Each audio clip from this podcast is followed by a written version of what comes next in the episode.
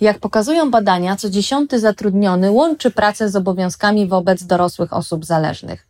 Problem dotyczy aż około 1,7 miliona osób i będzie on przybierał na wadze, bo polskie społeczeństwo szybko się starzeje. W 2018 roku na jedną osobę w wieku poprodukcyjnym przypadały 4 osoby w wieku produkcyjnym, a w 2050 roku będą przypadały już tylko dwie.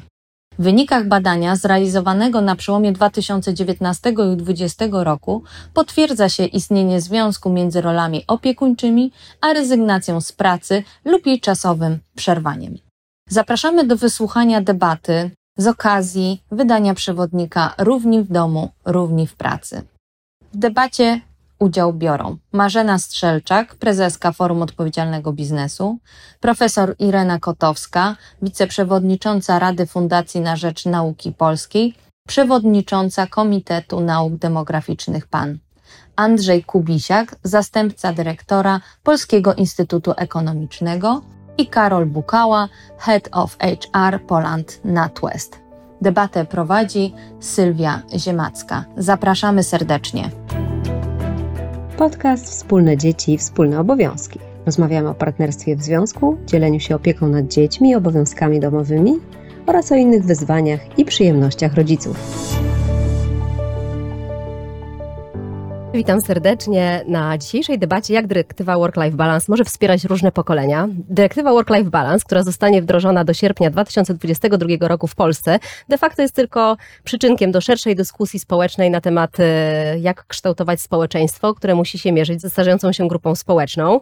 Ma to swoje odzwierciedlenie na poziomie właściwie każdego z nas. Mówimy o megatrendach, które dzisiaj dotyczą pewnej grupy docelowej, natomiast do, tak naprawdę będą w perspektywie czasu dotyczyć nas wszystkich będą dotyczyły również rynku pracy, więc w czasie dzisiejszej debaty bardzo mocno chcielibyśmy się skupić właśnie na tym wątku, jak będzie odpowiadać na te wyzwania rynek pracy i czy pracodawcy mogą coś zrobić w kierunku, aby wyjść naprzeciw pracownikom borykającym się z e, nad opieką nad osobami zależnymi, e, rodzicami czy krewnymi. Właśnie dyrektywa Work-Life Balance mówi o pięciu dniach roboczych w roku, przysługujących w przypadku poważnej choroby lub niesamodzielnego krewnego lub rodzica. Natomiast tak naprawdę to jest tylko kropla w morzu potrzeb, które jesteśmy w stanie nakreślić. I będziemy dzisiaj o tym rozmawiać z moimi gośćmi. Marzena Strzelczak, prezeska Forum Odpowiedzialnego Biznesu. Dobry. Pani profesor Irena Kotowska z Instytutu Statystyki i Demografii SGH. Dzień dobry. Andrzej e, Kubisiak, zastępca dyrektora Polskiego Instytutu Ekonomicznego. Dzień dobry. Oraz Karol Bukała, Head of HR Poland, NatWest. Dzień dobry. Także mamy tutaj bardzo zróżnicowane grono e, ekspertów, z którymi będziemy właśnie rozmawiać o tym, co możemy zrobić, Temat jest bardzo, bardzo obszerny i tak naprawdę moglibyśmy tutaj e, zabrnąć w bardzo wiele różnych e, meandrów związanych z tym problemem starzejącego się społeczeństwa. Chciałabym, żebyśmy dzisiaj w czasie naszej debaty przyjęli jednak taką środek ciężkości na rozwiązaniach. Ale żeby zacząć i nakreślić, jak wygląda sytuacja, w pierwszej kolejności bym poprosiła panią profesor Irenę Kotowską. Przygotowała tutaj dla nas prezentację nakreślającą, jak wygląda sytuacja demograficzna w Polsce. I od tego zaczniemy, a potem już e, wspólnie będziemy rozmawiać o tym, co możemy z tym zrobić. Pani profesor. Dziękuję bardzo za udzielenie mi głosu i możliwość przedstawienia informacji o tym, jakie trendy demograficzne czekają nas w najbliższych trzech dekadach i jakie to ma znaczenie dla dyskusji o tej o perspektywie równoważenia pracy i opieki. Otóż e, korzystam z danych, które były przygotowane przez Eurostat w 2019 roku i przewidywania dotyczyły zmian ludnościowych w krajach Eurostatu. Ja oczywiście odwołuję się do Polski. Tu Państwo mają informacje o tym, jakim zmianom będą podlegać tak zwane podstawowe grupy wieku, czyli dzieci i młodzież, to jest wiek 0-14, młodzi i dorośli, powiedziałabym, czyli osoby w wieku 15-64 lata. I osoby starsze, przy czym w tej grupie osób starszych wyróżniłam grupę 65 y, lat i więcej i tych osób najstarszych. I teraz widzą Państwo bardzo wyraźnie i z rysunku, i z tych załączonych liczb, że trendem bardzo mocno zarysowanym jest powiększanie się liczby osób starszych. To jest bardzo silny trend i ta liczba osób starszych wzrośnie z około 7 milionów teraz do prawie ponad 10 milionów za te 30 lat. Przy czym bardzo silny wzrost jest przewidywany już w tej dekadzie, w której obecnie jesteśmy. Co jest charakterystyczne też, że mamy do czynienia z tak zwanym podwójnym starzeniem się e, ludności, czyli wzrostem tej grupy osób, która jest uznawana za najstarszych, czyli tej grupy wieku 80 lat i więcej. I temu towarzyszy w miarę stabilna liczba i udział osób, tych dzieci, dzieci i młodzieży. Natomiast to, co, co nas bardzo niepokoi, jak się porówna te zmiany ze zmianami dotyczącymi tych starszych osób, to jest spadek liczby osób, które mogą być na rynku pracy 15-64 lata. I tutaj starałam się podkreślić, że tak powiem, wielkość tej zmiany w liczbach absolutnych. Ale sądzę, że ta skala zmian i ich nasilenie może być oddana przez tak zwane współczynniki zależności między grupami, czyli porównujemy, ile osób w wieku, tutaj sięgnęłam po tych wieku 0-19 lat do 20-64, czyli ile osób, dzieci i młodzieży przypada na osoby, które mogą być na rynku pracy, czyli w wieku 20-64 lata, i ile osób starszych, czyli w wieku 65 lat i więcej, przypada na też tą grupę środkową. I pod, zaznaczyłam wyraźnie zmianę w tym szarym słupku, bo on pokazuje właśnie zmianę tej proporcji między osobami, które mogą być na rynku pracy, a osobami starszymi. Zmianę, jaka następuje w, w tej dekadzie. Obecnie mamy 30, około 30 osób w wieku 60 lat, 65 lat i więcej na 100 osób w tym wieku 20-64, a w ciągu 10 lat to będzie prawie 40 osób. I kolejna taka silna zmiana czeka nas w dekadzie 2040-2050. Dlaczego ta zmiana, te proporcje są tak ważne? No bo po pierwsze, skoro kurczy się nam ta populacja, która może być na rynku pracy, to zasadnicze znaczenie ma to, by tą populację jak najlepiej wykorzystać, ten zasób pracy. Czyli krótko mówiąc, zależy nam, żeby jak najwięcej z tych osób było na rynku pracy.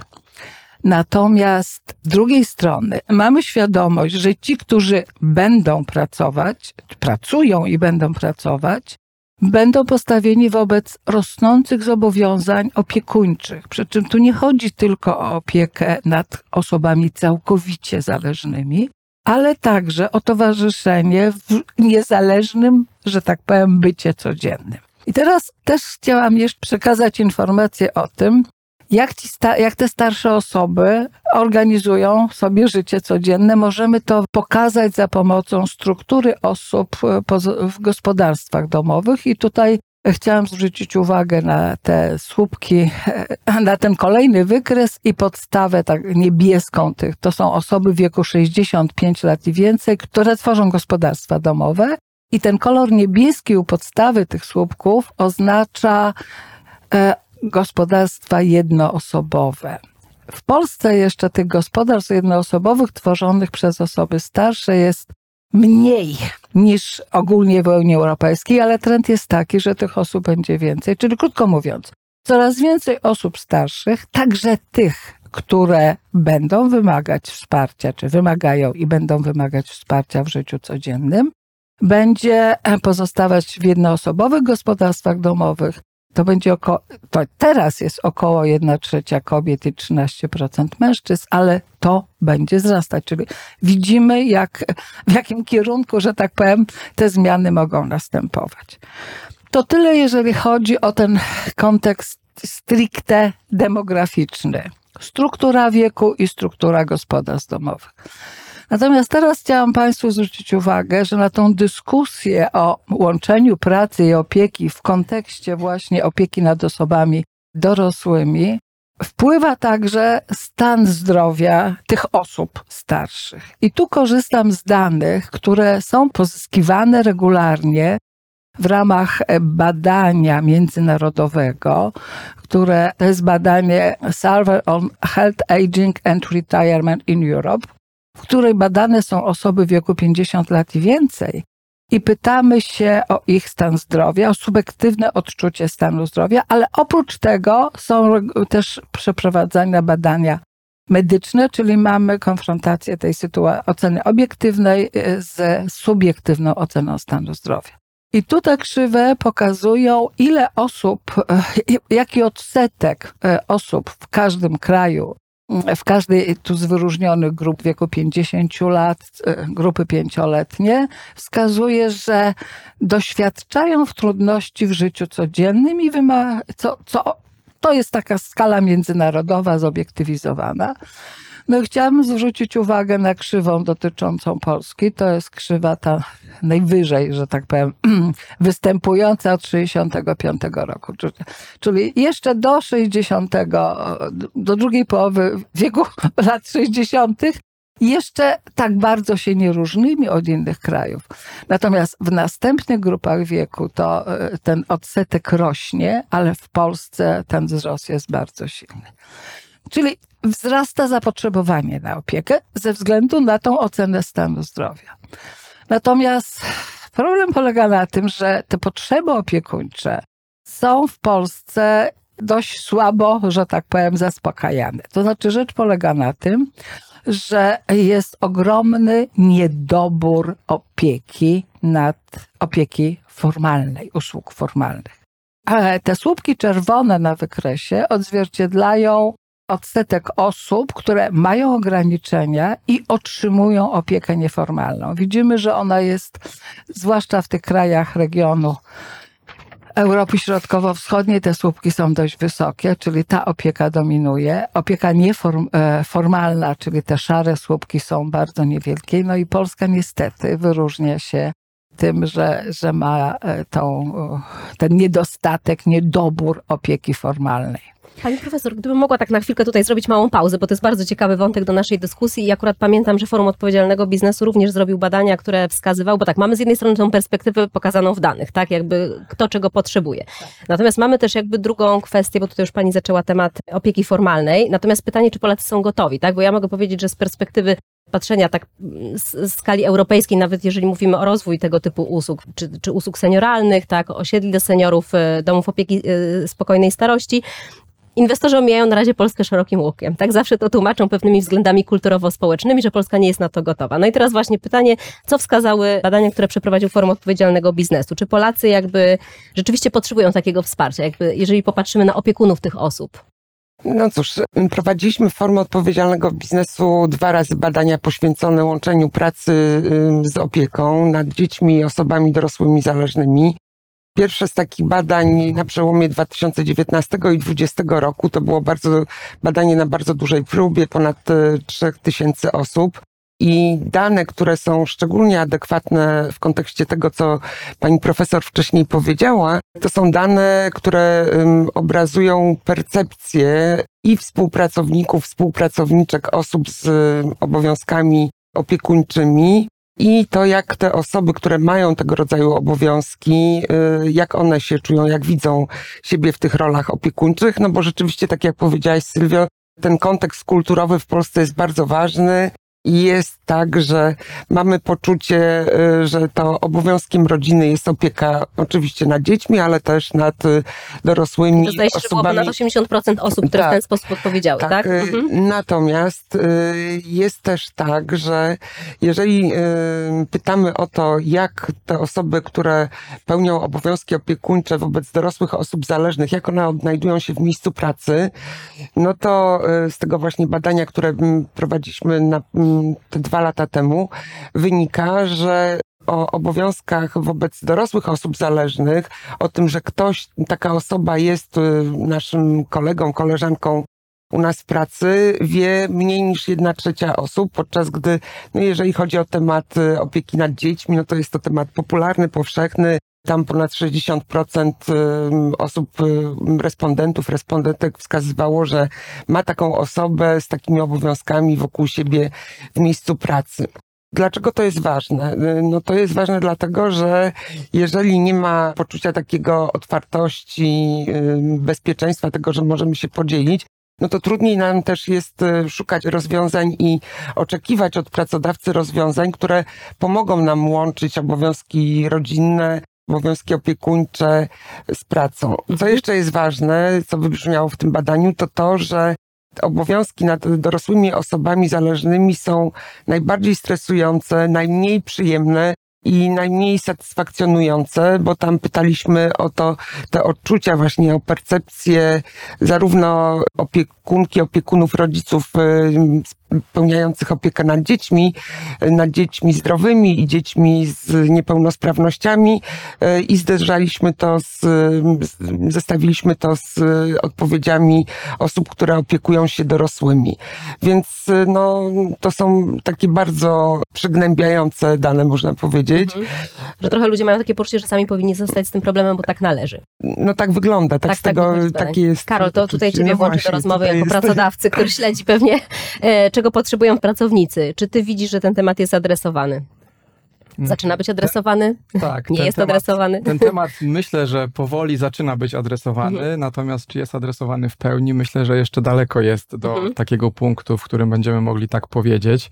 Odnosząc się do tego, co powiedziała pani Marzena, to zacząłbym w ogóle od tego, jaką firmę mamy kulturę organizacyjną, mhm. tak? Czy, czy w firmie zarządy lub też obszary, które ja reprezentuję, czyli y, zasoby ludzkie tak zwane, human resources, czy one mają w swoich strategiach i w swoich agendach właśnie zarządzanie różnorodnością, nastawienie na równość ogólnie rozumianą i też włączanie tak różnych grup y, pracowniczych. Czyli najpierw należałoby sobie powiedzieć, czy pracodawcy dzisiaj w ogóle rozpoznają, że są różne grupy pracowników i między innymi tacy pracownicy, którzy właśnie z potrzeby muszą się opiekować osobami zależnymi, tak? Czy to będą osoby starsze, czy to będą osoby z niepełnosprawnością. Tutaj pewnie moglibyśmy dalej wejść w ten detal, więc e, ja zacząłbym w ogóle od tego, e, jaką mamy kulturę w danej organizacji, czy ta organizacja w ogóle rozpoznaje kwestie różnorodności, bo tak jak powiedziała pani Marzena, dopiero wtedy możemy się zastanawiać, czy jest ta odpowiednia otwartość, czy jest ten odpowiedni dialog pomiędzy ogólnie rozumianym pracodawcą a pracownikami mhm. do tego, żeby się zastanowić nad tym, jakie rozwiązania moglibyśmy wdrożyć, a te rozwiązania też mogą być różne w zależności od specyfiki organizacji, jej wielkości i tak dalej. To może najpierw, może tutaj skończę, chyba, że chciałabyś mi zadać jakieś znaczy, dodatkowe pytanie. Chciałabym się upewnić, że dobrze rozumiem, czyli mówisz o tym, że tutaj jakby jest ta, taka otwartość ze strony pracodawcy, że pracownicy wtedy wiedzą, że jeżeli mają jakieś tematy do zaadresowania, to po prostu przychodzą z tym do pracodawcy i pracodawca wtedy może to w jakiś sposób zaprojektować na poziomie różnego rodzaju rozwiązań i benefitów. Dokładnie. Dobrze, to w przypadku waszej organizacji, czy temat y, opieki nad osobami dorosłymi zależnymi został y, wyartykułowany przez pracowników? Tak, my e, jak najbardziej artykułujemy ten temat. Jesteśmy organizacją, która bardzo mocno stawia na różnorodność, na włączanie, na równość, e, jeżeli chodzi o, o naszą populację pracowników. Powiedziałbym tak, rozpoznajemy ten temat między innymi poprzez sieci pracownicze, które mamy w naszej organizacji. E, mamy taką sieć, która się nazywa Rodziny i Opiekunowie i to jest właśnie sieć, która w sposób niejako oddolny e, stara się proponować e, różne rozwiązania, które mają wesprzeć zarówno właśnie rodziców w opiece nad dziećmi, ale też i opiekunów tak jak powiedzieliśmy wcześniej, osób starszych, czy osób, które mają jakieś specjalne potrzeby, czy osób z niepełnosprawnościami. I to jest jedna rzecz. Druga rzecz oczywiście to jest kwestia um, uelastyczniania, na ile to możliwe, y, w ogóle całego systemu pracy, godzin pracy i tak dalej, tak? Czy, czy pracodawca, tak jak my, rozpoznaje to, że osoby mogą potrzebować przyjść wcześniej do pracy, przyjść później do pracy, wyjść wcześniej, wyjść później, też coś takiego jak e, taki przerywany dzień pracy, tak, gdzie gdzieś w środku dnia na przykład jest jakaś szczególna potrzeba ze strony pracownika, który e, właśnie no, musi coś zrobić danego dnia, na przykład, tak. I pytanie, na ile właśnie pracodawca jest otwarty na tego typu rozmowę, e, zarówno z pewnymi grupami pracowników, jak i też z każdym indywidualnie, no i właśnie stosować tego typu rozwiązania.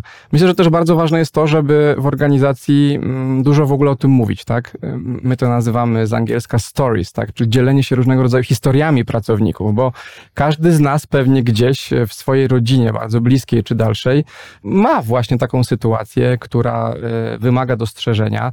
Każdy z nas również pewnie różnego rodzaju jakieś mniejsze lub większe niepełnosprawności być może nam doskwierają i istotne jest, żeby się tym dzielić, żeby o tym mówić, żeby właśnie pracownicy mieli tą świadomość, że nie jest to temat gdzieś wrzucany do szafy, y, przysłowiowo zamiatany pod dywan, tylko jest to temat, o którym chcemy rozmawiać i to, że liderzy organizacji, że menadżerowie, tak jak powiedziałem, zarząd i obszar zarządzania zasobami ludzkimi o tym mówi otwarcie, jest niezwykle istotne, bo to właśnie zwrotnie powoduje, że zaczynamy tą dyskusję. Tak? Buduje się ta kultura otwartości, wspólnego dialogu, komunikowania, a przede wszystkim też dostrzegania właśnie różnych grup o, o różnych potrzebach. Ja bym troszeczkę pociągnęła ten temat tych różnych grup i różnorodności. Pani profesor, zaraz wrócimy do Pani prezentacji, bo wiem, że to jeszcze nie był koniec, ale tak postanowiłam tutaj, akurat chciałam rzeczywiście usłyszeć też perspektywę e, innych stron. Natomiast właśnie jakby temat różnorodności i tutaj też Pani profesor danych pokazała, co to będzie oznaczało, jakie będzie miała e, starzejące się społeczeństwo konsekwencje dla rynku pracy. No wiąże się też w ogóle z zadbaniem o tą grupę osób 50 plus na rynku pracy. I tutaj Andrzej, Tobie chciałabym oddać głos, ponieważ jesteście, e, Polski Instytut Ekonomiczny przeprowadził badania na ten temat. No, no, takie bardzo żywo pokazujące, z czym się borykamy, więc gdybyś mógł tutaj w paru słowach jakby też tą perspektywę przynieść, bo rzeczywiście są organizacje, które deklarują strategię różnorodności i inkluzywności. Ona nie dotyczy tylko właśnie gender equality, tak, czy różnych grup y, mniejszościowych, ale również mówimy tutaj o osobach w różnym wieku. Więc jak to wygląda w świetle badań, które przeprowadziliście? Ja tak mm, delikatnie adwocem, ale przebiję to bańkę różowych tutaj e, opinii. Niestety nie jest dobrze, bym powiedział, no bo Jesteśmy w sytuacji takiej, kiedy na poziomie deklaratywnym bardzo wiele firm mówi o inkluzywności, o tym, że one chcą włączać różne grupy społeczne, jeżeli chodzi o wiek, ale też i kwestie multi, e, tutaj narodowościowe, jeżeli chodzi o podejście w tym zakresie. Także jeżeli chodzi o dyskryminację wobec e, młodych rodziców, która e, też gdzieś tutaj na razie nam umyka, ale pewnie później do niej wrócimy. No i niestety problem polega na tym, że na poziomie deklaracji wszystko się zgadza. Na poziomie rzeczywistości bywa nieco inaczej, dlatego my postanowiliśmy przeprowadzić badanie eksperymentalne na żywym organizmie, nie na poziomie deklaracji przedsiębiorstw, ale realnie przygotowaliśmy dwa rodzaje CV, które wysłaliśmy w świat do przedsiębiorców. Jedno CV należało do 30-latka i 30-latki, bo był zarówno mężczyzna, jak i kobieta i odpowiednio porównywalne CV przygotowane przez headhunterów, aby kompetencje i kwalifikacje tych osób były porównywalne i zgodne. I te drugie CV było też dla mężczyzn i kobiet i było w przypadku tutaj 50-latka albo 50-latki. No i te CV, ponad tysiąc takich CV rozesłaliśmy na ogłoszenia. No i proszę sobie wyobrazić, że no niestety widzimy, że ci 50-latkowie dużo rzadziej byli zapraszani na rozmowy rekrutacyjne. Znaczy na tym etapie w ogóle kończyliśmy nasz eksperyment, bo chcieliśmy sprawdzić, jaki jest tak zwany response rate, czyli jak wiele osób odpowiada na wysłane aplikacje ze względu na poszczególne grupy wiekowe. No i problem polega na tym, że dwukrotnie więcej y, było odpowiedzi pozytywnych, jeżeli chodzi o 30-latków niż 50-latków, a jeszcze gorsza sytuacja była w dużych miastach. My tutaj to duże jedno miasto wyszczególniliśmy w postaci Warszawy, bo tutaj ta dysproporcja była czterokrotna.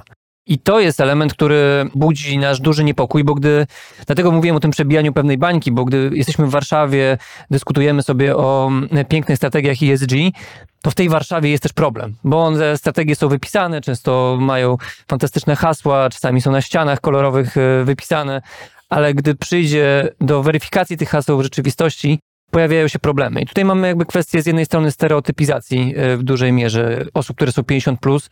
To jest pewien mechanizm, z którym trochę musimy walczyć tak naprawdę od przemian wolnorynkowych w Polsce, bo lata 90. to był taki moment, kiedy też e, tą generację starszą wrzucono do pewnego takiego worka niechlubnego, że to osoby nie nadążają za zmianami, że tyle się przecież wydarzyło, bo tu później doszła rewolucja cyfrowa, komputery, internet, narzędzia, których te osoby potencjalnie mogą nie obsługiwać, i o ile na jakimś etapie to mogło jeszcze mieć zastosowanie i miało ewentualnie jakieś przystosowanie do rzeczywistości, to dzisiaj to właściwie w ogóle nie powinno funkcjonować. Gdy spojrzymy dzisiaj na 50-latka, który jest aktywną osobą na rynku pracy w 2022 roku, no to możemy sobie dosyć łatwo policzyć, że ta osoba zaczynała karierę zawodową gdzieś na etapie lat 90. przeszła te wszystkie etapy tych transformacji, tych przemian, tej zmiany i dostosowała się naprawdę do tej rzeczywistości, którą dzisiaj znamy. Co więcej, wiele badań pokazuje, że ci pracownicy są dużo bardziej lojalni, dużo mniej chodzą na zwolnienia. To tak z perspektywy pracodawców, którzy dbają o ciągłość pracy. I w warunkach, gdy dzisiaj mamy bardzo konkurencyjny rynek pracy, często dzisiaj firmy narzekają na niedostępność y, odpowiednich pracowników, narzekają na rotację pracowniczą. I to są narzekania, które mają swoje pokrycia w faktach i w danych, więc tutaj to nie są takie tylko czcze opowieści. I co więcej, mają też pewne obawy co do zatrudniania osób w kategoriach okolicy e, lat 30, e, e, bo to są osoby, które są w wieku rozrodczym, mogą im zaraz pojawić dzieci, mogą wypaść na jakiś okres czasu z rynku pracy. Takie narzekania są, są również i mimo to pracodawcy w mniejszym stopniu albo działy HR-u u tych pracodawców dużo rzadziej do takich kandydatów się odzywają i dużo rzadziej po nich sięgają. Gdy patrzymy na krzywe i dane dotyczące perspektyw demograficznych, o których pani profesor tutaj mówiła, to musimy sobie uświadomić, że to jest pewien proces nieuchronny. Pracownik 50 plus zaraz będzie pracownikiem w naszym kraju najliczniej reprezentowanym na naszym rynku pracy.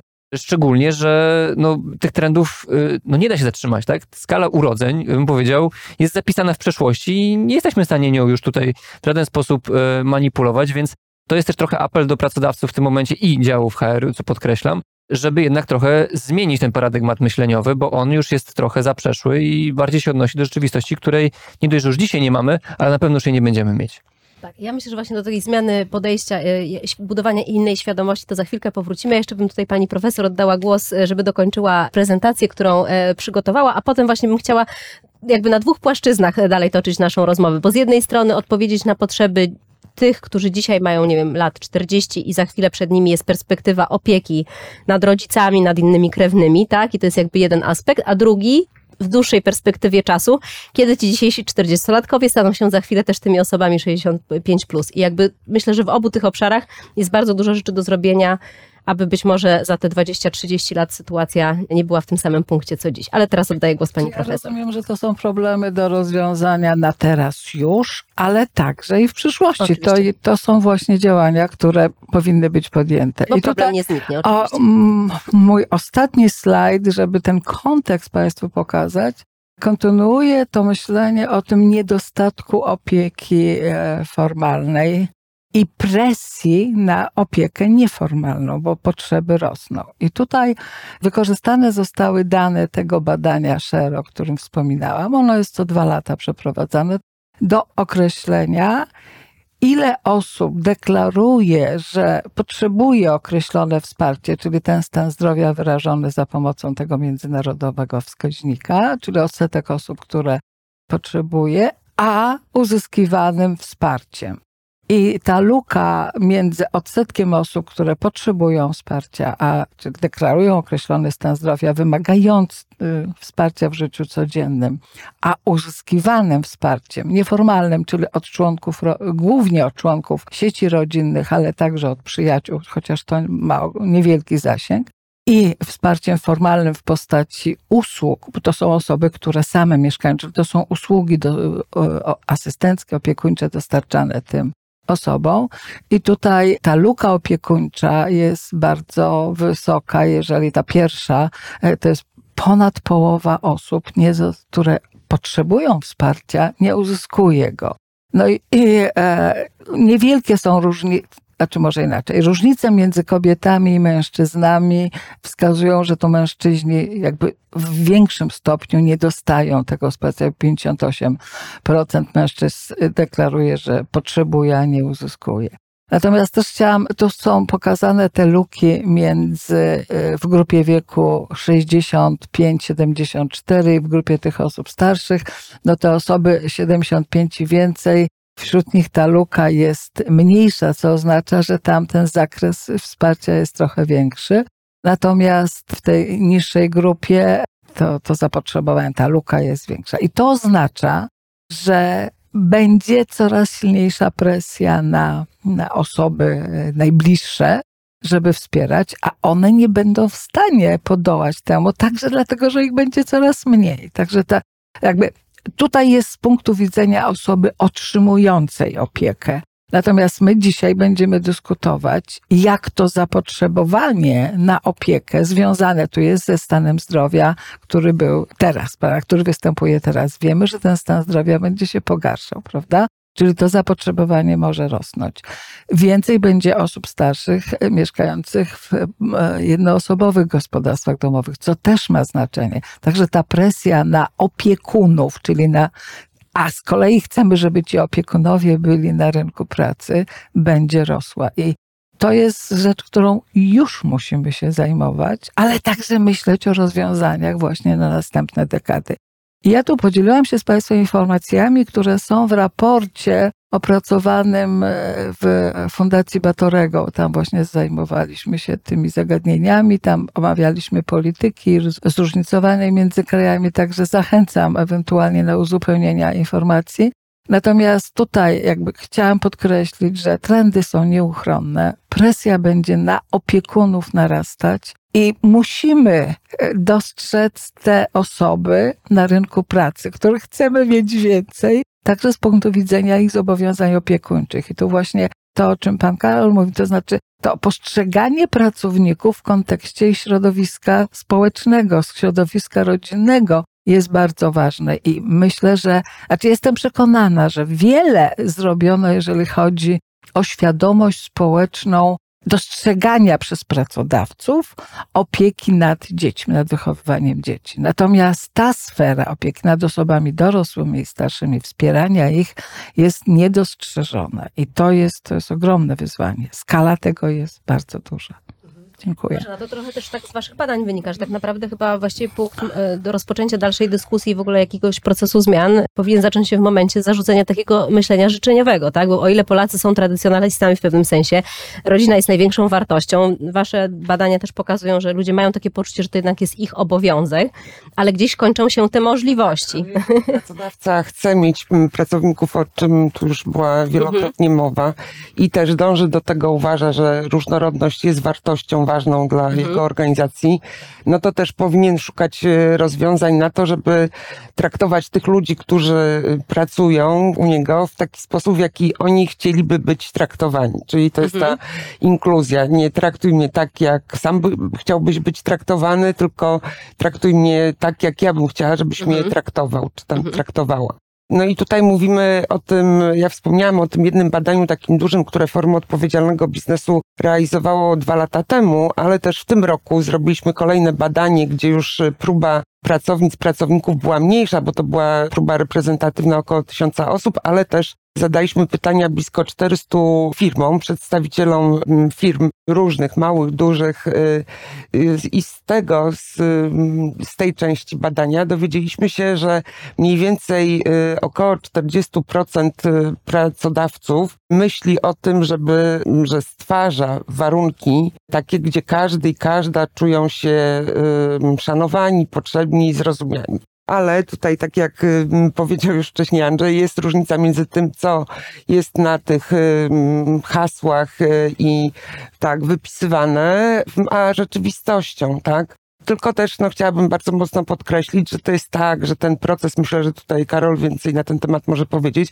że ten proces budowania takiej włączającej kultury, no to jest coś, co ma początek, trwa bardzo długo i nie ma końca. I tak naprawdę ta nasza otwartość y, na różnorodność y, jest, y, można powiedzieć, wbrew naturze człowieka, wbrew temu, jak działa nas mózg, bo jednak łatwiej nam akceptować, lubić, łatwiej nam pracować z podobnymi do nas.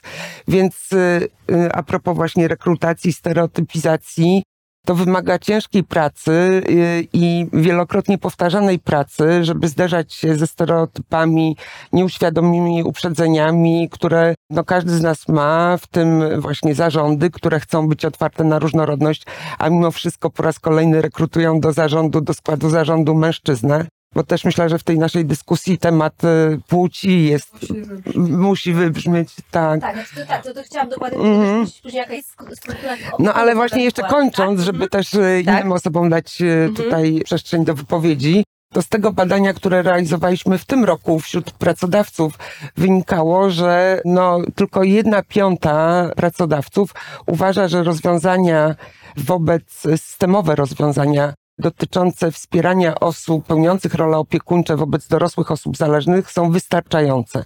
Mhm. Czyli 4 piąte pracodawców uważa, że są niewystarczające, tak? To pokazuje jakby też y, tą wagę i potrzebę szukania rozwiązań systemowych, co nie zmienia tego, że tutaj pewnie jak wszyscy jesteśmy, zgodzimy się, że pracodawcy mają wielką moc, siłę i oczekiwania interesariuszy swoich, żeby ten świat zmieniali w takim kierunku, w jakim tego potrzebujemy. No tak, ale no tutaj trochę tak mi się sili na uszy jednak takie pytanie trochę w, w roli adwokata diabła, tak? Bo jednak jakby też perspektywa jest tak sobie myślę, inna w momencie, kiedy mówimy o opiece nad dziećmi, bo jednak dzieci jakby w pewnym momencie już są trochę większe, idą do przedszkola i jakby ten problem, jakby być może taka większa aktywizacja zawodowa e, rodziców, no w pewnym momencie gdzieś tam e, wraca na taki tor normalnego funkcjonowania. W momencie, kiedy...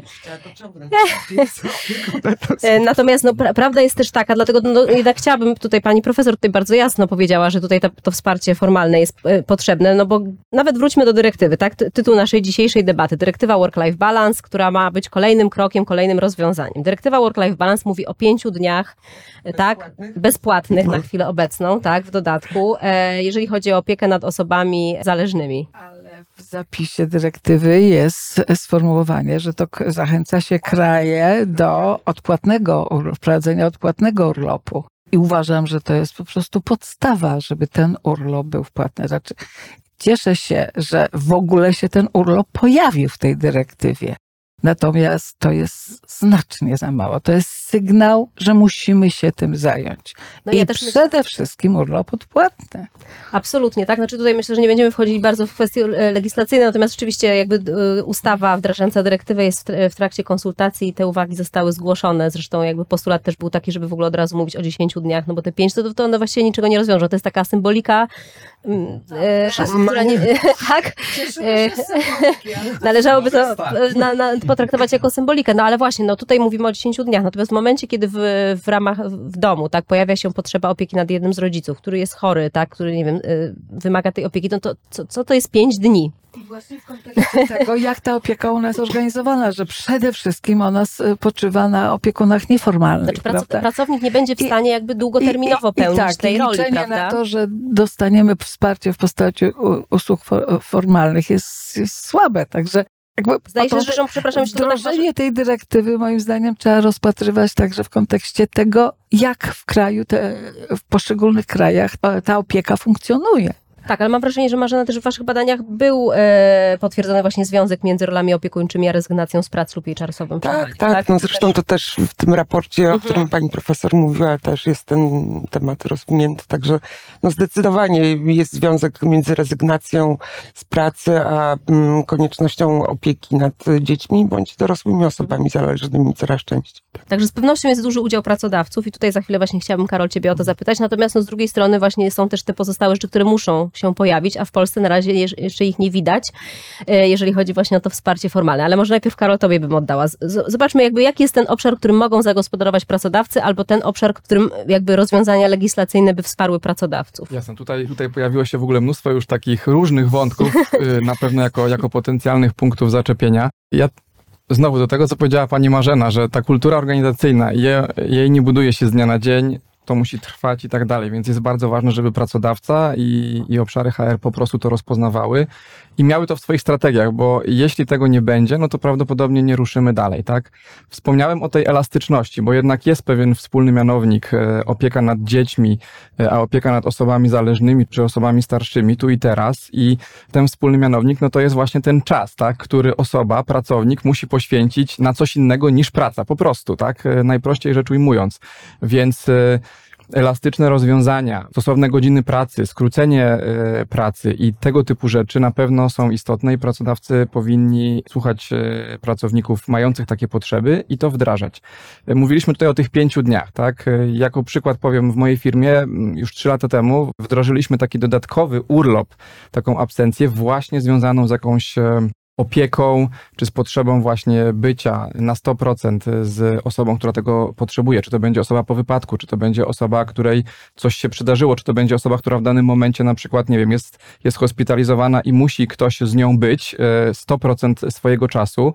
My obecnie mówimy o tym, że to jest dwa tygodnie dodatkowo, natomiast y, praktyka pokazuje, że bardzo często, jeśli pracownik przychodzi do nas, czyli do swojego line managera i y, mówi o tym, słuchaj, ja potrzebuję trochę więcej, to, to nie będzie dwa tygodnie, to będzie trzy, może trzy i pół, a może cztery.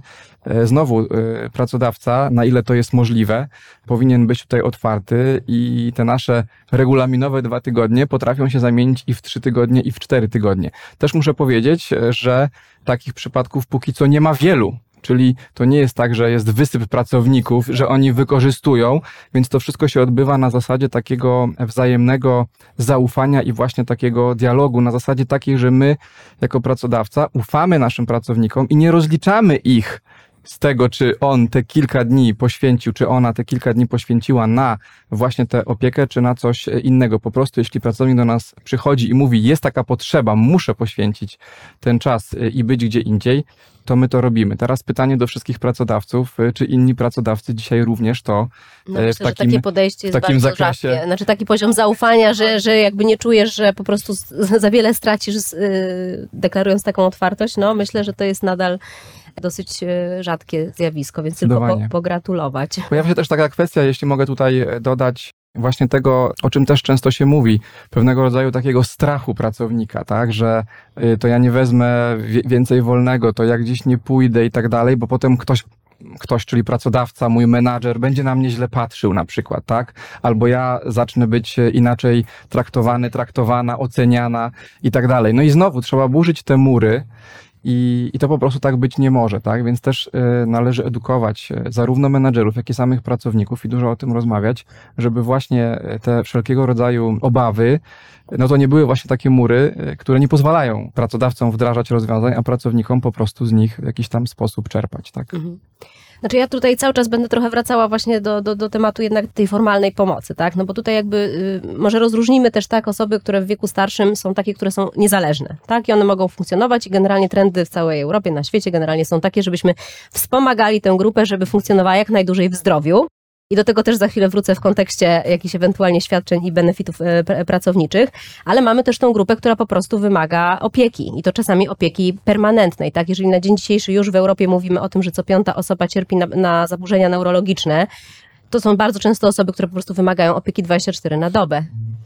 I co my możemy z tym zrobić? Mhm. Dodała, tak Mhm. może Proszę, proszę. dwa zdania dosłownie, e, że drugą stroną tego medalu to jest e, samopoczucie tych opiekunek i opiekunów, tak? Bo to Absolutnie. nie jest kwestia tylko tego, że ktoś, kto ma więcej niż 80 lat, a ta grupa, jak widzieliśmy tutaj z danych, wy, to jest grupa większa niż ta grupa dzieci, które rodzą się w ciągu 4-5 lat w Polsce. Mhm. Więc to jest rzesza ludzi, którzy jeżeli nawet samodzielnie funkcjonują, gdzie mam taki przykład y, z najbliższego doświadczenia, no to wciąż y, czy są to osoby, które wymagają jednak pewnej pomocy przy Absolutnie. załatwieniu różnych y, spraw.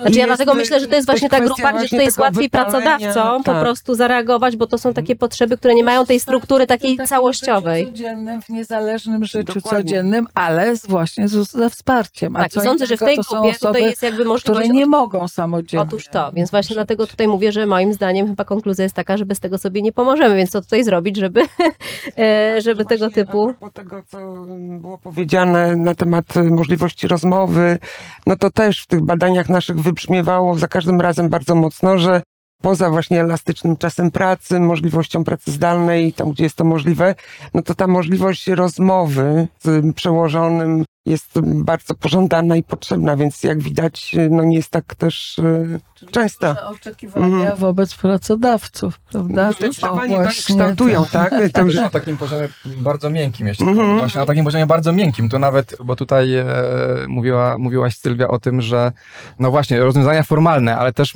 no właśnie, często ludzie, pracownicy oczekują rozwiązań właśnie nieformalnych, że ja po prostu mogę przyjść i powiedzieć o tym, co się ze mną dzieje, z moim najbliższym otoczeniem i tak dalej, tak? Czy mogę być otwarty jako pracownik? Mhm. Andrzej, chcesz? Mhm. Tutaj dodatno jakby kluczowego jakby aspektu, chyba to słowo dzisiaj nie padło, albo ja je powtórzę wielokrotnie. Empatia, empatia i jeszcze raz empatia, tak? I, I to nie jest empatia na poziomie prezesów zarządu, mam poczucie. Ona jest na poziomie bezpośrednich przełożonych, szefów, Ale byśmy ich nazwali, albo szefowych, tak? W tym wypadku kolegów z pracy. I one wymaga, bym powiedział, zrozumienia tego, że nie każdy żyje w takich samych warunkach i że każdy ma swoje pewne okoliczności, które mogą część naszego świata zaburzać. I no niestety z tym cały czas nie jest dobrze. Przepraszam, że się odwołam e, przez chwilę nie do osób starszych, ale do też, to jest taki wskaźnik, który Eurostat publikuje, dotyczący tego, jaki odsetek osób w danym kraju bierze zwolnienia e, chorobowe na swoje dzieci. I robi to bez obawy, jeżeli chodzi o reakcję pracodawcy. No i proszę sobie wyobrazić, że w Polsce to jest 7% pracowników. 7%. Gorsza statystyka jest tylko w jednym kraju w Unii Europejskiej, a więc na Cyprze. Gdy się patrzy na kraje naszego regionu, to w ogóle nie jest specyfika dawnych demoludów. To jest po prostu outlier, jeżeli chodzi o, o, warunki europejskie, co pokazuje, że ta kultura po stronie pracodawców, ale przepraszam, że użyłam słowa pracodawców, po stronie szefów, nie daje przyzwolenia na to, żeby wziąć zwolnienie na chore dziecko. I w, w, warunkach, gdzie to jest, wiemy, ktokolwiek, kto ma dzieci, że to jest często losowa sytuacja. Ja ją miałem akurat dzisiaj rano, więc doskonale wiem, jaka jest sytuacja, a mimo wszystko do Państwa dołączyłem. E, ale e, jest to pewna sytuacja, która też nam mówi o tym, że opieka jest czasami nie do zaplanowania. Ona czasami jest ad hoc. Mm, Ona czasami jest w warunkach, gdy musimy wszystko rano rzucić i się tylko tym zająć, bo nie ma po prostu innego scenariusza. I to jest element, do którego niezbędna jest empatia. Tego żadne przepisy nie są w stanie przewidzieć, tego żaden kodeks nie jest w stanie naprawić i żadna dyrektywa unijna niestety też tego nie naprawi.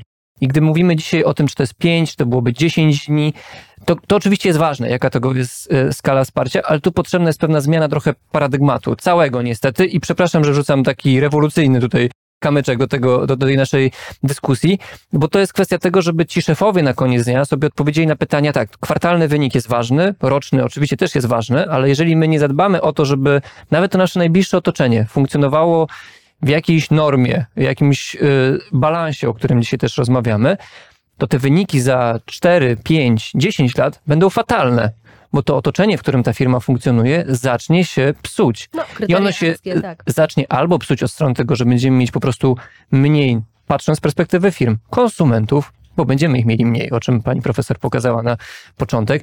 Zmieni się profil tych konsumentów, i to otoczenie, w którym będziemy funkcjonować, będzie zupełnie inne.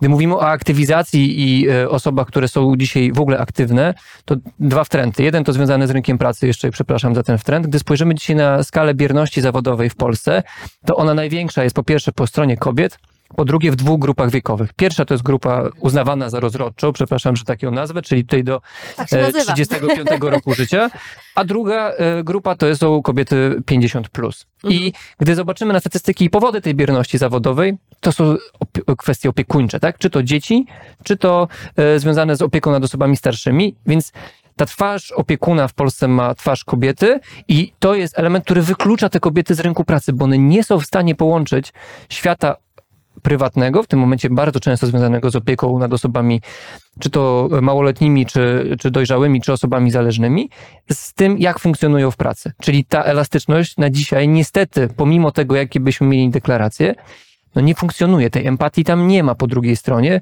To też jest związane z paroma innymi elementami, o których pewnie trzeba byłoby tutaj powiedzieć, czyli niski udział part-time job, czyli takiego pół etatu, trzy czwarte etatu, jednej czwartej, jakiejś no, elastyczności. To też trzeba uważać, bo przyznam szczerze, że w Holandii, w Belgii to jest bardzo popularne, tylko że potem jak spojrzymy na emerytury kobiet i, i różne inne wskaźniki, to to też jakby...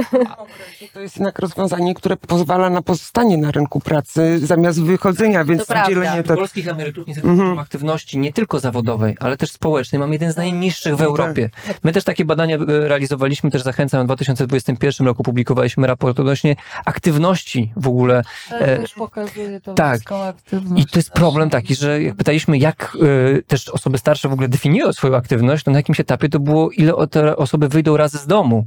Nie, że pójdą do pracy, nie, że pójdą się spotkać z znajomymi, będą w jakimś stowarzyszeniu, organizacji, będą, czyli w ogóle bazowe aktywności. I tutaj jest też bardzo duży problem, o którym, gdy mówimy o podstawaniu w zdrowiu, tak? Bo to też jest bardzo ważny tak. wskaźnik tutaj, jeżeli chodzi o to, nie tylko jak długo żyjemy, ale też jak długo mamy, mamy życie w zdrowiu, no to to warunkuje też kwestię tego, jak duże będą potrzeba skali, jeżeli chodzi e, o kwestie opiekuńcze. Tak, ale tutaj jeszcze tylko właśnie skomentuję, że też y, widziałam takie badania, które pokazują, że w Polsce akurat rzeczywiście jest duże oczekiwanie i wyczekiwanie na tą emeryturę, bo jest tak ekstrakcyjny tak. rynek pracy, to też być może wiąże się z tymi danymi, o których mówiłeś, które pokazują, że ludzie, tylko potem jest to odcięcie i co dalej.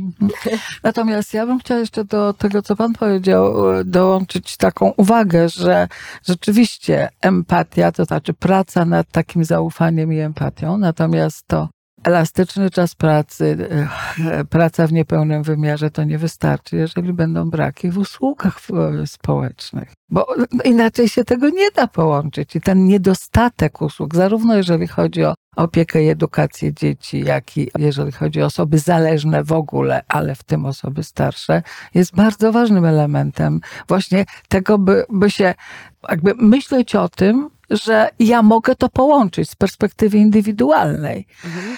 Także zgadzam się, że to jest proces i to wymaga i zarówno działań ze strony pracodawców, jak i właśnie domagania się czy mówienia o tym przez pracowników, ale niestety nie unikniemy tu szerszego tła, to znaczy rozwiązań systemowych, które by wspierały budowanie tego zaufania i empatii. Ale generalnie chciałabym zwrócić uwagę na to, że przed przedsiębiorstwami są ogromne wyzwania dotyczące i rynku pracy, i niedoborów, to znaczy tego, tego innego rynku pracy, i niedoborów na rynku, i jeszcze ta ten wymiar społeczny, coraz większe mamy zapotrzebowanie na to, by biznes był, miał ten wymiar społeczny, prawda? No By dostrzegał. Teraz, jak się okazało tak. w trakcie Także, e, no, czasu wybuchu wojny, tak? Jakby ta jasna deklaracja wycofania się. przekształceń, potrzebie przekształceń, Mm. ale także dostrzegajmy, że to są ogromne wyzwania. Znaczy tak, no zdecydowanie, no tutaj jakby wątek, który poruszył Tak. e, Andrzej, tak, i teraz to kryteria ESG, jednak jest też duży nacisk właśnie na literkę S i ten kontekst społeczny, więc miejmy nadzieję, że też będzie się zmieniało podejście w kontekście dbania o ten aspekt i niekoniecznie tylko wyniki finansowe. Ponieważ zostało nam 8 minut do końca, to chciałabym jeszcze poruszyć jeden e, temat, który tutaj wybrzmiał, a mianowicie e, angażowanie mężczyzn w pełnienie ról opiekuńczych, bo to jest też taka e, rzecz, która wy, wybrzmiała w waszych badaniach i zapewne temat wymagający zagospodarowania. Więc Marzena, gdybyś jeszcze o tym mogła, a później już chciałabym jeszcze taką Tak, to rundę jest- zamykającą Mhm.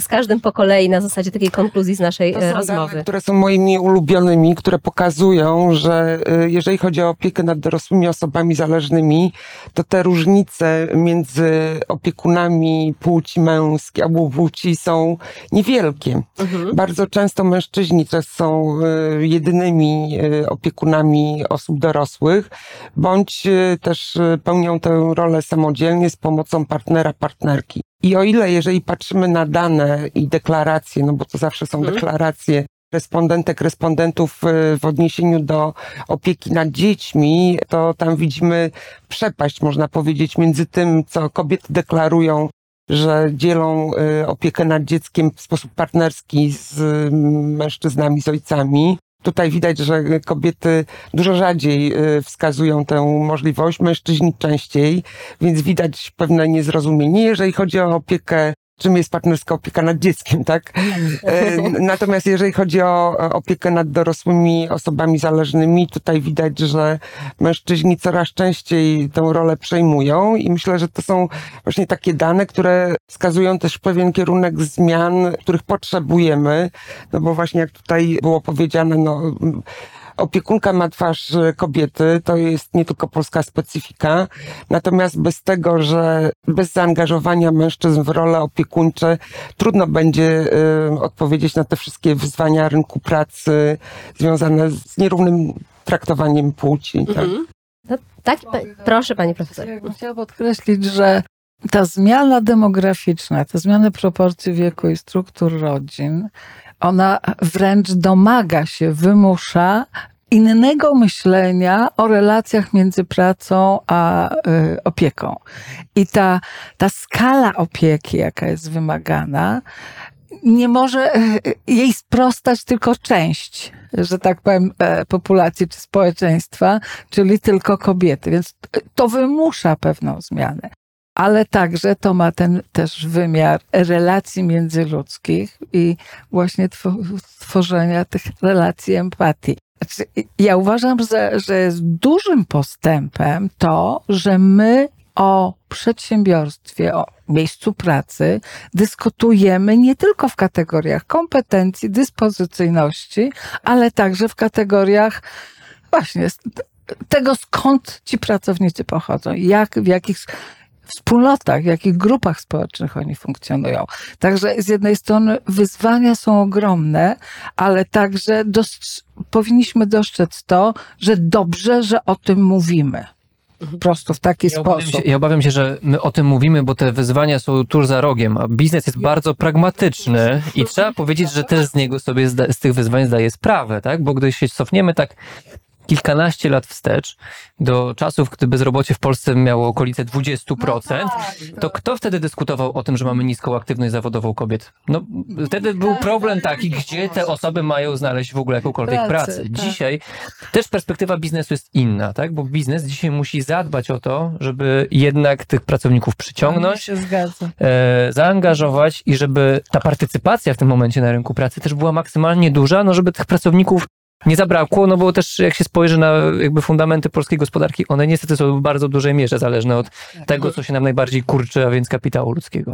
Myślę, że jeśli pragmatyzm e, jakby oznacza taką sytuację win-win w szerszym kontekście społecznym, to chyba jestem, nie mamy z tym problemu. Pragmatyzm można właśnie zaproponować. Znaczy, odpowiedź na ten pragmatyzm są strategie win-win. De facto Tak. jakby wszystkie rozwiązania się będą zrównoważone, jeśli każdy będzie na koniec dnia widział w tym jakiś Chociaż swój to interes, jest, nawet jeżeli... to jest proces. Nie kończyło na deklaracjach, a na faktycznych tak, działaniach, bo czym tak. innym jest teraz to, że biznes to widzi i A wypisze czym sobie jest, głośne tak, hasło tak, na, zgadza na otwarciu e, do wejścia do biura, czy do sklepu, czy do innego miejsca, w którym się znajdziemy. Ale to też jest krok naprzód, że to hasło tam jest.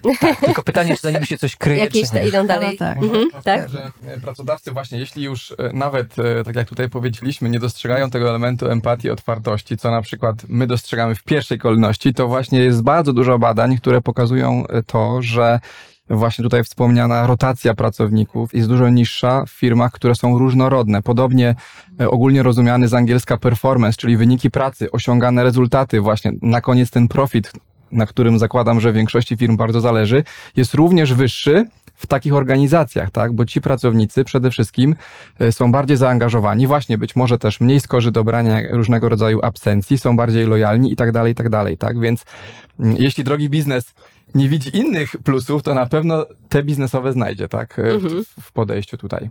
No dobrze, słuchajcie, musimy już powoli kończyć, więc taka e, runda zamykająca, chociaż chyba musimy zorganizować kolejną debatę na ten sam temat, bo mam wrażenie, że nie wyczerpaliśmy tematów. Więc chyba się trzeba będzie przymierzyć chociażby do tego, żeby pomyśleć o tym, co w perspektywie czasu e, tutaj wspomniane e, zdrowie psychiczne, tak, i w ogóle zdrowie, tak. Myślę, że pracodawcy tutaj mają szeroką, e, oprócz tego, żeby kształtować i zadbać o potrzeby dzisiejszego pokolenia 50+, to myślę, że już mogą zacząć rozmawiać z młodszymi pokoleniami, żeby kształtować te zdrowe nawyki, żebyśmy właśnie wszyscy mogli żyć dłużej, ale i w zdrowiu, tak? Więc to jest na następną debatę do rozwinięcia, a teraz taka runda zamykająca. Marzena, zacznijmy od ciebie. Najważniejsza rzecz. Najważniejsza rzecz, poczucie partycypowania w kształtowaniu tego, jaka jest ta kultura organizacji i taka, no nie wiem, powiedziałabym skromność, tak? Nie uleganie temu, że no już wszystko zrobiliśmy, bo mm, zawsze jest tak, że można zrobić więcej, ale też polecałabym, zachęcała do tworzenia koalicji i y, tego, żeby ten głos y, przedsiębiorców, firm y, no, był słyszalny w tworzeniu tych rozwiązań systemowych. Tak, no i są- jeszcze jedna rzecz, współpraca z samorządami, bo myślę, że tutaj To nam umknęło. tak. To trzecia debata. Karol. Z mojej perspektywy na pewno zachęcam wszystkich do, do właśnie skupienia się na tym zarządzaniu różnorodnością, to zdecydowanie. Powiem jeszcze tylko trochę o tej roli ojców właśnie. Też jest tutaj bardzo istotny wątek, którego nie poruszyliśmy, więc na następną rozmowę, czyli wątek płac i tej luki płacowej, która powinna być zniwelowana, bo często decyzja jest podejmowana o tym, kto zostaje w domu, a kto idzie do pracy właśnie na podstawie tego, że statystyczny mężczyzna zarabia więcej, więc to po prostu ta różnica powinna wynosić zero, czyli nie powinno być żadnej różnicy i to na pewno ułatwi podejmowanie e, decyzji. Też taki istotny element to jest właśnie to, o czym powiedzieliśmy. Pamiętajmy też, że e, no każdy z nas będzie się starzał. Jest tylko jeden kierunek drogi, tak? Tak. I też trzeba zadbać w ogóle o siebie, tak jako pracowników, z punktu widzenia pracodawcy, ze wsparciem pracodawcy, czyli wszystkie elementy związane z dobrostanem, ze zdrowiem psychicznym, ze zdrowiem fizycznym. I też pytanie do pracodawców, co już dzisiaj z tym pracodawcy e, robią, tak? Żeby właśnie za kilka lat nie znaleźć się w takim punkcie, w którym nie będziemy tylko mówić o pracownikach, którzy się opiekują kimś, ale też oni sami będą wymagali tej opieki. Dziękuję. Pani profesor. Ja troszkę tak górnolotnie, to znaczy ta tematyka work-life balance, równowagi praca-życia do tej pory była właściwie skupiona na pewnym etapie życia ludzi, czyli tworzenia rodzin, wychowywania dzieci. Ja bym bardzo chciała i, i, i liczę na to, że tak się będzie działo, żeby ją rozszerzyć na cały przebieg życia. To znaczy, żeby ją nie odnosić tylko do tego etapu wchodzenia na rynek pracy, tworzenia swojej pozycji zawodowej i zobowiązań rodzinnych, ale i praca, i zobowiązania rodzinne są, i ich łączenie, godzenie jest ważne także w następnych etapach życia. Czyli myślmy o tej równowadze praca, życie przez cały przebieg naszego życia. I w tym kierunku ta polityka powinna iść, ta dyskusja. Mhm. No, ja mam jedną refleksję, tak, że musimy chyba więcej rozmawiać i to zarówno my, jak tutaj siedzimy, inni eksperci, ale też e, ludzie między sobą, żeby po prostu o tym nie bali się mówić, bo każdy z nas ma wyzwania dnia codziennego i czy jesteśmy najlepszym pracownikiem miesiąca, czy może akurat w tym miesiącu nie najlepszym, to jest temat do rozmowy i wydaje mi się, że jakbyśmy mieli coś dzisiaj powiedzieć osobom, które nas oglądają, to żeby się rozejrzeli wokół siebie i zastanowili, ile czasu z e, tego standardowego 8-godzinnego dnia pracy przeznaczają na to, żeby ze swoimi kolegami porozmawiać, żeby się dowiedzieć co u nich, żeby zrozumieć, czy to, że ktoś dzisiaj przed bardziej nerwowy do pracy, albo musi z niej wybiec nagle, albo jest jakiś powód, dla którego akurat ma dzisiaj gorszy humor, to czy on na pewno jest związany z tym zadaniem, które wykonuje, albo z tą pracą, którą robi, czy może właśnie nie jest tym brzemieniem, które niesie i przyniósł ze sobą do biura albo do pracy właśnie z domu i że te wyzwania, które go dociskają, przekładają się później na te wszystkie inne obszary. I wydaje mi się, że bez rozmowy nie dojdziemy do tego i nie będziemy w stanie porozmawiać i znaleźć też e, rozwiązań, które później będą pasować do też indywidualnych bardzo historii. Mhm. Bardzo dziękuję za rozmowę. Ja tylko mogę powiedzieć tyle, że rzeczywiście chyba słowem kluczem jest naszej dzisiejszej debaty jest empatia. I to jest z jednej strony jakby możliwość i umiejętność dostrzegania potrzeb innych, czyli nie mówimy tylko o dbałości o siebie, ale też o dbałość o tych, którzy są w naszym najbliższym otoczeniu ale nie zawsze sam, jesteśmy sobie w stanie poradzić z tym sami, dlatego potrzebujemy tutaj z jednej strony fundamentów po stronie pracodawców, po stronie e, państwa, aby móc jakby w pełni realizować się w różnych obszarach życia przez całe życie. Dziękuję serdecznie za rozmowę. Dziękuję. Dziękujemy.